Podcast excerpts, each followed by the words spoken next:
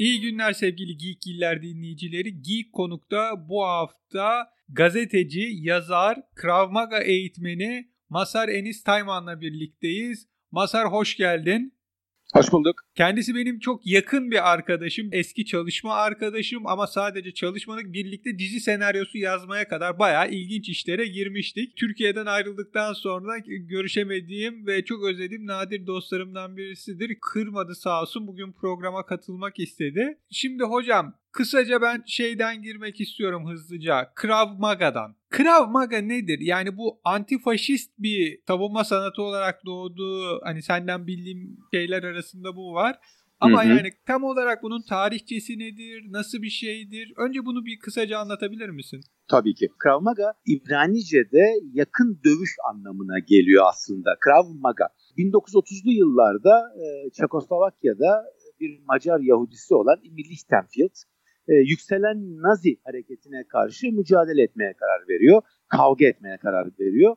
Ve e, polis olan babasının teknikleriyle ki kendisi de boksör, eskrimci ve yüzücü e, işte boks ve eskrimden de aldığı bir takım şeylerle e, mücadele ediyor ve takım teknikler geliştiriyor. 40'lı yıllarda İsrail'e geliyor. İsrail kurulduktan sonra da e, İsrail güvenlik güçlerine e, yakın dövüş stili olarak Krav Maga öğretmeye başlıyorlar.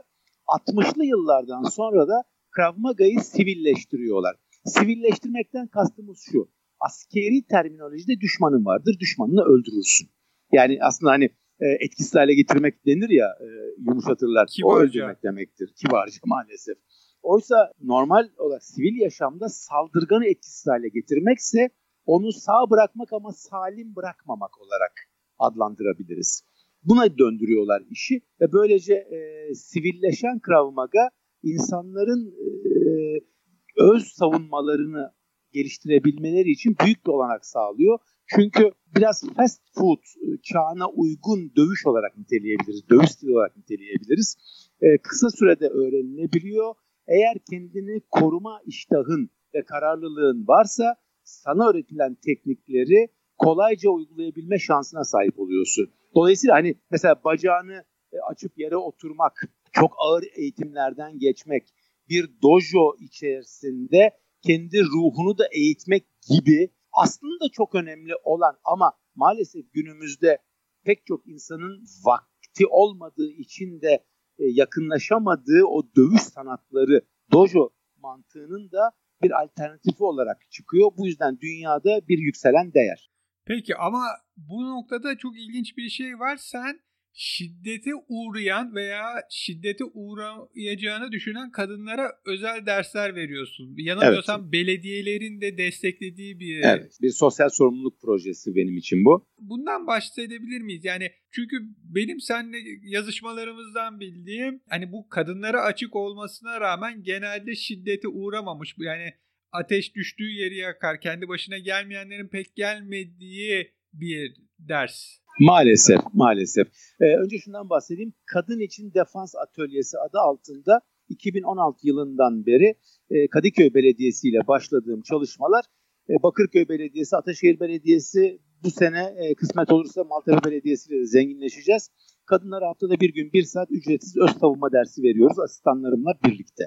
E, bunu niye yapıyoruz? Bunu şundan yapıyoruz. Birincisi topluma olan borcumuzu ödemek için. Hepimizin topluma borcu var. Ben de borcumu böyle ödemeye çalışıyorum. Bu bir. İkinci olarak kadınlarımıza borcumuzu ödemek. Anneme borcumu ödemek, eşime borcumu ödemek, bizi yetiştirenlere borcumuzu ödemek için bunu yapıyorum. Ve üçüncüsü maalesef kadına şiddetin bu kadar yoğun olduğu, bu kadar kanıksandığı ve cezasız kaldığı bir ülkede akut olarak soruna bir çare bulmamız gerekiyor. Yani kanama var vücutta. Önce o kanamayı durdurmak gerekiyor. Tampon, turnike her neyse ben onu gerçekleştirmeye çalışıyorum. Kadın için defans atölyesinde. Peki hani gelen katılımcılar öğrencilerinin profilinden biraz bahsedebilir miyiz? Tabii ki. Şöyle bir sorunumuz var.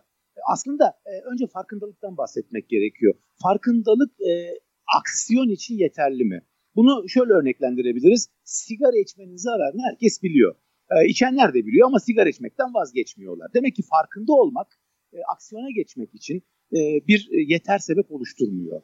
Dolayısıyla şiddet konusunda da maalesef şiddetin var olduğunu biliyoruz. Ancak maalesef pek çok kadın diyor ki ben şiddetten uzak duruyorum ya da benim bulunduğum ortamda şiddet yok. Bunu biraz şuna benzetmek gerekiyor. Ee, evet depremde kendi evimizi deprem tehlikesine karşı e, güçlendirebiliriz. İyi bir binada yaşıyor olabiliriz ama 24 saat boyunca o binada olmayacağız ki. Ya deprem bizi arkadaşımızın güçlendirilmemiş evinde yakalarsa dolayısıyla biz kendi güvenlik kozamızdan sık sık çıkmak durumunda kalan insanlarız. Kendi güvenlik kozamızdan çıktığımız anda o saldırıya uğramayacağımız ne meçhul. E, ne malum özür dilerim. E, ve şunu söylemek gerekiyor. Şiddeti reddediyor olmak şiddete uğramayacağımız anlamına gelmiyor. Bu yüzden de maalesef e, şiddeti tatmış kadın arkadaşlarımızın daha fazla öğrencimiz olduğunu söylemek gerekiyor. Bunu şuradan görüyoruz. Biz biraz da Türkiye şartlarını gözeterek eğitim veriyoruz. Yani Türkiye'deki şiddet olgusunu, taciz olgusunu analiz edip e, kadın arkadaşlarımızdan bunun yorumlarını alıp arka planda neler olduğunu araştırıp buna göre savunma taktikleri üretiyoruz. Örneğin kadına mesela bir tokat atılması e, Türkiye'de çok yoğun. Dünyada da var tabii ama mesela dünyada daha ağır şiddet varken Türkiye'de e, bu şiddetten sayılmıyor. Bunun şiddet olduğunu insanlara bir anlatıp ikinci olarak da tokattan nasıl korunacaklarını söylüyoruz. Ve bunun için öncelikle daha tokat aşamasına gelmeden yapacakları konusunda da elimizden gelen yardımı yapmaya çalışıyoruz kadın arkadaşlarımıza. Esasında yani bu toplumun en büyük sorunu şiddet. Fakat şiddeti uygulayan da benim rahmetli dedemin bir lafı vardı. E, jandarma çavuşu sendromu derdi. Sen köylü çocuğuyken jandarma çavuşu gelir seni tokatlar. Sen jandarma çavuşu olup büyüyünce sen tokatlarsın ama hep bir şiddete uğramışlık ve her zaman şiddete uğrayabilmeye açık olmak vardır. Yani Türkiye'de de kadına şiddet uygulayan erkeklerin esasında biraz böyle bir zamanında ailesinden veya dışarıdan şiddet gördüğü ve hani şiddet uygularken de kendisinin bir yerde şiddete maruz kalabileceği durumu var. Yani toplumun en büyük sorunlarından biri şiddet yanılmıyorsam. Maalesef. O kadar haklısın ki yani daha doğrusu rahmetli Çetin Atan o kadar haklı ki. Şimdi e, şöyle bir durumumuz var. Bizim belki de e, öncelikle düşünmemiz gereken evet şiddete uğrayan çoğunlukla şiddeti bir çözüm yolu olarak görüyor ve şiddet üretiyor. Çocuklarımıza biz ne kadar iyi davranıyoruz? Aile içinde ne kadar demokratız? Kadınlarımız veya işte e, çocuklarımız kendilerini ne kadar güvende hissediyorlar bizim yanımızdayken yani biz erkeklerin yanındayken. E, bunu öncelikle bence tartmak gerekiyor. Fakat bunu işimize gelmiyor bu bunu tartmak. Niye işimize gelmiyor? Çünkü o zaman e, kendi iktidarımız sarsılacak. Kendi iktidarımız sorgulanacak. Bak çok kısa bir şey anlatabilir miyim sana izninle? Tabii e, tabii. E, şeydeyiz e, oğlumla e, şey bir e, etkinliğe gidecektik ama etkinlikte e, biraz iyi giyinmemiz gerekiyordu. Senin için biraz zor. Maalesef. ama ben yine bir şekilde yapmaya çalıştım üzerime düşeni. Sonra büyük oğlum Fırat'a işte şey çıkarttım önüne. Bir mavi bir beyaz gömlek çıkarttım. Çünkü neden? Şimdi yani biraz da böyle e, resmisiz kitap okuyabilme yeteneğim var ya dövüş hocası olmama rağmen şeyi e, kitaplarda öyle yazıyor. Çocuklara diyor çok fazla seçim alanı bırakmayın. Onlara işte iki seçenek sunun. Kararsızlığa düşmesinler. Kendilerine güvenleri kaybolmasın. Bıdı bıdı bıdı bıdı bıdı. Bir takım e, evet kişisel gelişim kitapları, çocuk gelişim kitapları. Benim oğlum dedi ki ben bunları giymeyeceğim. Hoba. şimdi ama ben e, kitaptan şimdi kitaba dön, dönsem vakit yok. O diyeceksin dedim. Ve bir anda kendime muhafazakar baskıcı lider konumunda buldum. Sana bunları seçtim, sen bunları giyeceksin. Giyersin, giymezsin. Ortalık feryat, figan. Kendi durumuma ayıldım birden. Bir dakika dedim ben ne yapıyorum? Eleştirdiğim ve karşı çıktığım ve mücadele ettiğim şeyi yapıyorum. Peki ne yapmalıyım? Ona sordum. Sen ne istiyorsun dedim. Ya inanır mısın?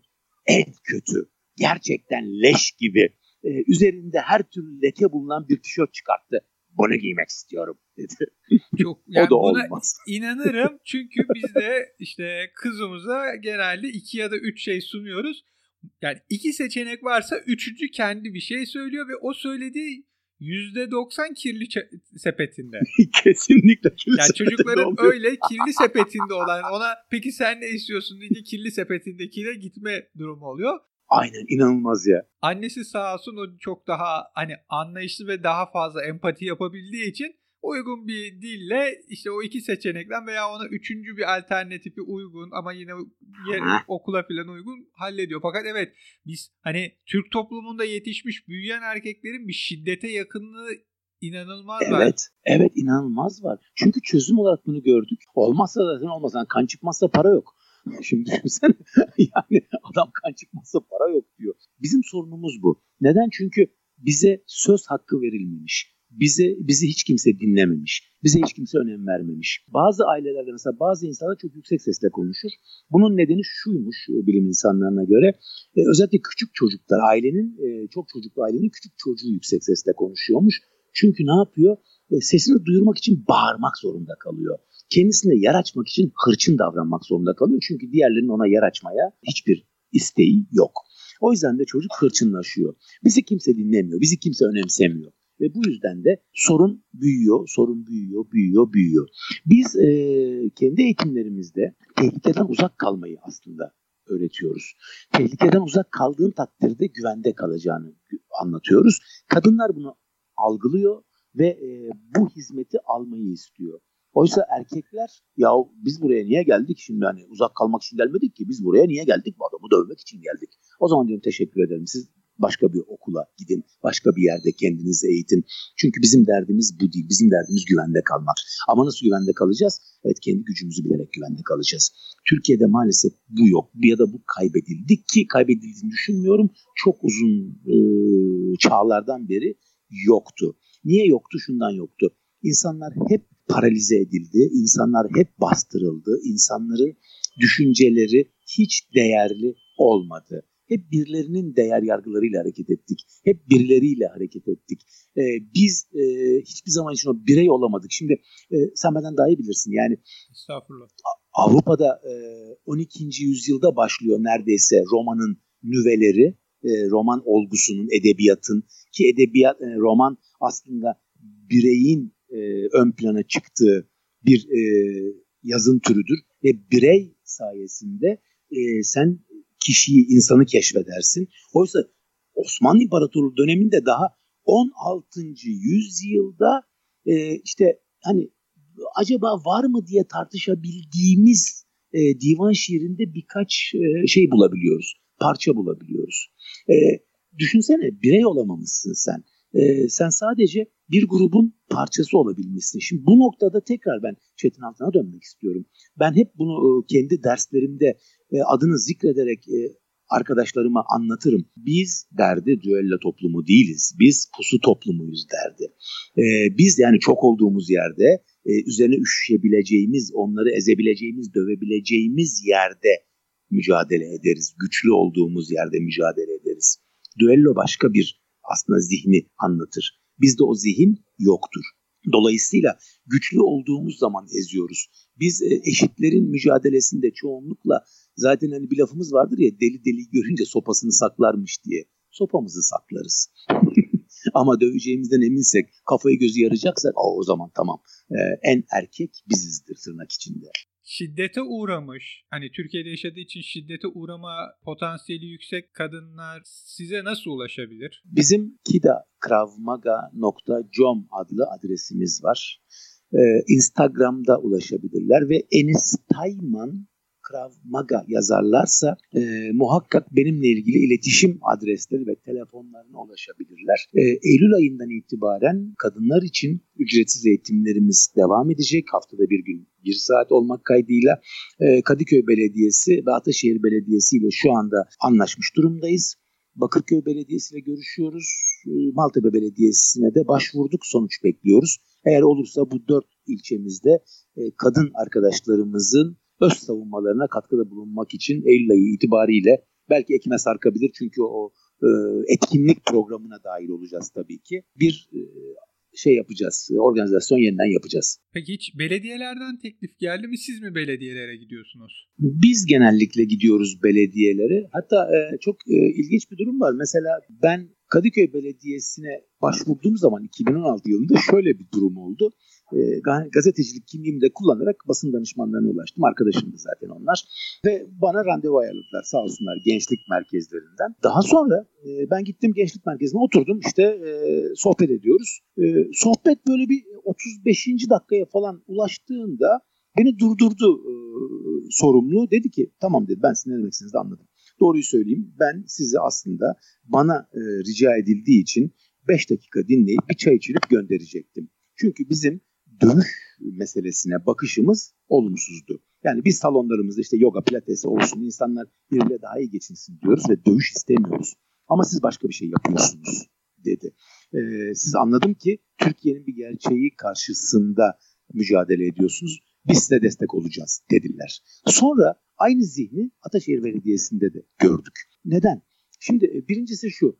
Biz e, herhangi bir şekilde kendi e, kulübümüzün çünkü hani benim sonuçta bir dövüş salonum da var. Oradan para da kazanıyorum. Onun reklamı olmak kaydıyla insanlara bir şey öğretmiyoruz. Onun reklamı olsun. Biz burada bir demo yapalım. Hani burada ufak bir parça gösterelim. E, kalanını da gelin bizde daha iyi öğrenirsiniz gibi bir şey yapmıyoruz. Biz insanlara, biz kadınlara orada gerçekten sağlam diz vurmayı, e, bir erkek şiddetine karşı hangi uzuvlarıyla nasıl karşı koyabileceklerini hakkıyla öğretmeye çalışıyoruz. Tabi buradan şu anlam çıkmasın. Süper kahraman yetiştirmiyoruz. Ya da gerçekten katle yönelik bir hareket olduğu takdirde bunun çözümünün bizde olduğunu söylemiyoruz. Sakın yanlış anlaşılmasın. Çünkü zaten seni, beni ya da kimi olursa olsun katletmeye niyeti olan birisi varsa katleder. Şimdi bunu bir, bir defa kenara koyalım. Bizim burada bahsettiğimiz şey aslında kadını aşağılayan o günlük şiddeti artık şiddetin normalleşmesi karşısında yapabileceklerimizi tartışmak biraz da. Bunun için de zaten e, belediyeler anlattığımız zaman anlıyorlar ama hani bize gelip de ya kadınları savunalım hadi e, bize de bir şeyler yapın diyen maalesef hiç kimse yok. Umarım olur günün birinde. Umarım İstanbul Büyükşehir Belediyesi başta olmak üzere diğer belediyeler bunu duyar. Umarım. Bir de Krav Maga ile ilgili son şunu soracağım. Sen kendi öğrencilerini eğitmen olarak yetiştiriyorsun. Yani benim bildiğim evet. en son iki öğrencin artık senin evet. salonlarında eğitmen. Peki bu süreç ne kadar yıla, ne kadar zamana dayanıyor? Şöyle, e, öncelikle benimle birlikte 36 dersi bitirip e, temel eğitim alıp buradan mezun diplomasını alması gerekiyor ki mezuniyet sınavımız zordur, gerçekten zordur ve e, giderek e, arkadaşlarımız içerisinde bile yarı efsaneye dönmüş durumda. E, neden? Çünkü biz e, bir kuşak sistemine sahibiz. Biz insanın işte kuşakların insanı korumadığını düşünüyoruz. Bu yüzden de gerçekten sert ve iyi mücadele etmesini isteyenlerden istiyoruz. Bu mücadeleyi kazanan arkadaşlarımız bizimle beraber yola devam etmek isterlerse ileri aşamaya geçiyorlar. Advance aşamasına geçiyorlar ve bizimle beraber çalışmak istediğini beyan ederse arkadaşlarımız o zaman kadın için defans atölyeleri başta olmak üzere çeşitli seminerler ve çeşitli derslerde stajlarına başlıyorlar. Stajlarından sonra bir de eğitmenlik sınavına giriyorlar ve bu da yaklaşık işte bir yılı e, asgaride bir yılı buluyor. Bunu neden yapıyorum? Ee, önüme gelene e, diploma verebilir miyim? Verebilirim. Bundan bir şey kazanabilir miyiz? Hep beraber kazanabiliriz. Hayır. Bizim derdimiz o değil. Bizim derdimiz bir kültür yaratabilmek sevgili Ali. Ne yapıyoruz? Şunu yapıyoruz. Bak e, benim e, şu anda 99 kişilik bir WhatsApp grubum var. Kendi kulübüme ait. Kadın için defans atölyesi dışındaki onların da kendi WhatsApp grupları var. Ve orada da eğitmenlerimin e, bir şeyleri vardır. Ne derler? Hani federatif bir yapımız var. Kendi özelliklerini koruyarak bunları yapıyorlar. O 99 kişilik grubumuzla birlikte bir çocuk okutuyoruz biz ve bizimle şu anda çalışmayan, aktif olmayan arkadaşlarımız dahi bana para gönderiyor. Çocuğa gönderelim diye. Biz bir kültür yaratmaya çalışıyoruz aynı zamanda. O kültürün bir parçası olduğu takdirde, olmayı kabul ettiği takdirde arkadaşım benim eğitmenim oluyor. Yoksa zaten onu salonumuzda bile barındırmıyoruz. Bir de böyle bir durumumuz var. Peki Krav Maga'dan e, gerekli bilgileri aldık. Hı-hı. Teşekkürler. Şimdi bir de senin gazetecilik değil de roman yazarlığı kısmına geçmek istiyorum. Çünkü son, şu an hala yayınlanmamış son kitabın e, Evet. Golem'de Krav Maga'dan bahsediyorsun. Ben onu okuyan şanslı azınlıktanım. Eyvallah. Polisiye edebiyatta hakikaten Türkiye'de tanıdığım kalemi en güçlü ilk 5 yazardan birisin. Sağ ol. Biraz da roman, o yüzden romanlarından bahsetmek istiyorum. Şimdi yayınlanmayan Golem var. Hani o yayın evlerinin takdirine kalmış şu dönem biraz zor ama ondan ön e, ikinci romanın Şans var. Çok ilginç evet. bir konusu var. Biraz şanstan bahsedebilir miyiz? Ee, şans aslında e, ülkenin en büyük sorunlarından biri. Sorun derken tırnak içinde bunu söylüyorum çünkü bize bunu sorun olarak sürekli aktarıyorlar. Biraz Kürt meselesini hatta yanlış anlaşıldığı biçimiyle Kürt mafyası denilen o kavramı aslında anlatıyor. Ee, niye Kürtler mafya oluyorları anlatıyor. Burada e, şunu anlatmak gerekiyor tabii 60'lı yıllardan başlarsak eskiden de Laz mafyası vardı. Göçmenlikle ilgili, e, insanların kendi doğduğu toprakta doyamaması ile ilgili, birinci kuşakların, ikinci kuşakların dışında gelişen bir süreci anlatıyor roman ve dolayısıyla aslında bizim terörist dediğimiz belki de ikinci sınıf vatandaş gördüğümüz pek çok e, Türkiye'nin bir kesimin aslında neden bu yola girmek zorunda bırakıldığını anlatıyor romanın. E, kısaca bahsetmek gerekirse romanda piyangonun vurduğu bir biletin elden ele dolaşması ve farklı yerlere gitmesi fakat bu hep mafya vari, mafyatik veya kişilerin elinde olması ve o sırada işte polisten mafyaya, gece hayatına, işte Almanya'dan bir gruba çok farklı evet. yerlere ulaşması. Evet kesinlikle. Ee, orada tabii şu var yani e, bir oyun da var. E, bugün çok fazla söyleniyor ya işte piyangoya hile karışıyor diye. Biraz da onun eleştirisini yapıyorum. E, çünkü bu tür e, şikayetler hep vardır, hep oldu. Oradan yola çıkıyorum biraz da. Türkiye'nin düzeninden yola çıkıyorum. Türkiye'nin düzeniyle bunu biraz buluşturmaya çalışıyorum. Becerebildiysem ne mutlu bana. Bir de ilk romanın var. Bin Delikli Ev. Bin Delikli Ev'in hikayesi evet çok ilginçtir. Çünkü Bin Delikli Ev aslında e, ismiyle çok e, ilgi çekti. İsmi şuradan geliyor. Çin İç Savaşı sırasında istihbari faaliyetlerin e, en çok aslında e, seks işçileri vasıtasıyla yürütüldüğünü bir gün öğrendim ben. Ve e, biraz araştırmamı derinleştirdiğimde e, bu seks işçilerinin büyük çoğunluğunun da trans bireyler olduğunu öğrendim. Ve en çok istihbaratın bin delikli ev adı verilen ve e, trans seks işçilerinin çalıştığı ne diyelim işte mekanlar olduğunu gördüm. İsim oradan çıktı. Burada da aslında şunu anlatmaya çalıştım. Bir grubun bir ülkenin kaderinde geleceğinde söz sahibi olma hayalinin nerelere kadar uzanabileceğini anlatmaya çalıştım. Bu da aslında politik bir eleştiridir, politik bir karşı duruştur burada. Sağ olsun bazı e, eleştirmenler bunu fark ettiler ve e, hani kara roman türüne dahil edenler bile oldu. E, hak etmediğim şekilde bana lütuf göstererek. Ben diliyorum ki Golem kısa sürede yayınlanır ve sonrasında o bir seri olacaktı. Çünkü biz seninle bunu 3 yıl önce evet. konuştuğumuzda o serinin devamı da gelir. Çünkü Şans ve Bin Delikli Ev çok iyi romanlar olmalarına karşın o senin yarattığın polisiye ortam içindeki bir gazetecinin dedektif olması burada hani pilot Remzi Ünal'a da bir selam çakalım.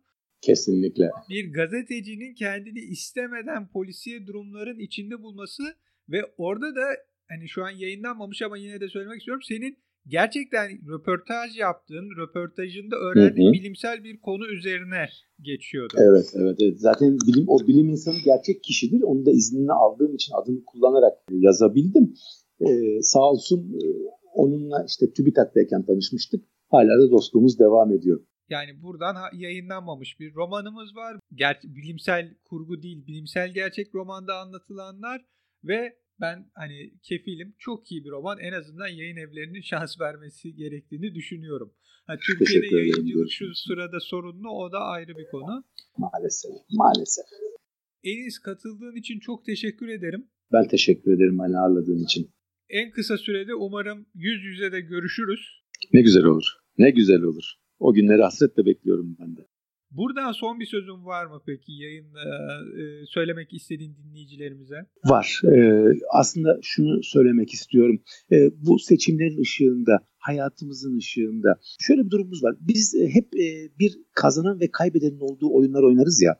Aslında e, o galip gelenin e, her şeyi almadığı ya da kaybedenin aslında e, kaybetmediği bir e, ortamı belki de canlandırmamız gerekiyor artık.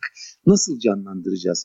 Şöyle e, eğer benim rakibim e, bu kadar iyi koşmasaydı ben o madalyayı alamazdım. O iyi koştuğu için ben madalyayı aldım çünkü onu geçmek istedim. E, bunu kabul edeceğiz. Dolayısıyla bir yarışın bile olsa, bir müsabakanın, e, spor müsabakasının bile olsa e, sonucunda en az iki kişiyle hatta çoğunlukla ikiden fazla kişiyle birlikte yapılmış bir eylemden bahsediyoruz. Oysa biz hep ne alırız? Ee, kazanan her şeyi alır. Ben kazandım, ezdim, yedim, bitirdim. Hayır öyle bir şey yok hayatta. Ee, aslında kaybeden ya da kazanan yok. Evet ben önde bitirdim ama senin sayende önde bitirdim. Bunu algılayabildiğimiz gün ortaya çıkacağız. Peki bunu nasıl yapacağız? Bir dakika almak istiyorum sadece. Tabii ki. Bir oyun. Hani o sandalye oturma oyunumuz vardır ya diyelim 5 e, çocuk 4 sandalye ve e, çocuklar dönmeye başlarlar müzik durur ve herkes bir sandalyeye oturur birisi ayakta kalır. Ayakta kalan dışarı çıkar. Şimdi e, ne oldu? Başarısız oldu çocuk. Niye? Çünkü kendisine yer bulamadı, kendisine bir şey yapamadı. Peki oyunu şöyle çevirsek nasıl olur acaba? Yine 5 çocuğumuz var, 4 sandalyemiz var. Bu sefer müzik durduğu zaman dönen çocuklarımızdan yapılacak aksiyon şu. Bir sandalyeye iki çocuk oturacak. Sonra çocuklar tek ayağa kalkacaklar. Bir sandalyeyi alacağız. Oyunda hala 5 çocuk var. Bu sefer 3 sandalye var. Şimdi iki sandalyeye ikişer çocuk oturacak müzik durduğunda. Böylece aslında iyiler her yere sığar. Ee, benim e, büyük büyük annemin lafıyla iyiler her yere sıvar oğlum derdi. dermiş daha doğrusu. Bir e, dayanışma bilincini gerçekten geliştireceğiz. Çünkü biz ancak türümüzün devamını birbirimize yardımla sağlayabiliyoruz. Bu tarih boyunca böyle olmuş. Evrim boyunca böyle olmuş. Biz türümüzü yaşatmak istiyorsak destek olacağız. Birbirimizle beraber dayanışma içerisinde yürüyeceğiz. Birbirimize rağmen değil, birbirimize rağmen yaptığımız her şeyde görüyoruz ki çuvallıyoruz arkadaşım. Çok teşekkür ederim bana bu fırsatı verdiğin için. Biz teşekkür ederiz. Sevgili Geekgiller dinleyicileri Geek Konuk'ta bu hafta Masar Enis Tayman'ı ağırladık. Kendisi Krav Maga eğitmeni, gazeteci, yazar, romanlarından da bahsettik ama esas konumuz kadınlara yönelik şiddete karşı bir sosyal duyarlılık projesi olarak ver, belediyelerin de yardımıyla verdiği derslerdi. Kendisine nasıl ulaşılacağını da anlattı. Biz de Facebook ve Twitter'daki adreslerimizde yayınımızı e, paylaşırken kendisine nasıl ulaşacağınıza dair adresleri tekrardan size vereceğiz. Bizi dinlediğiniz için teşekkür ederiz. Haftaya başka bir konukta görüşmek dileğiyle. Hoşçakalın.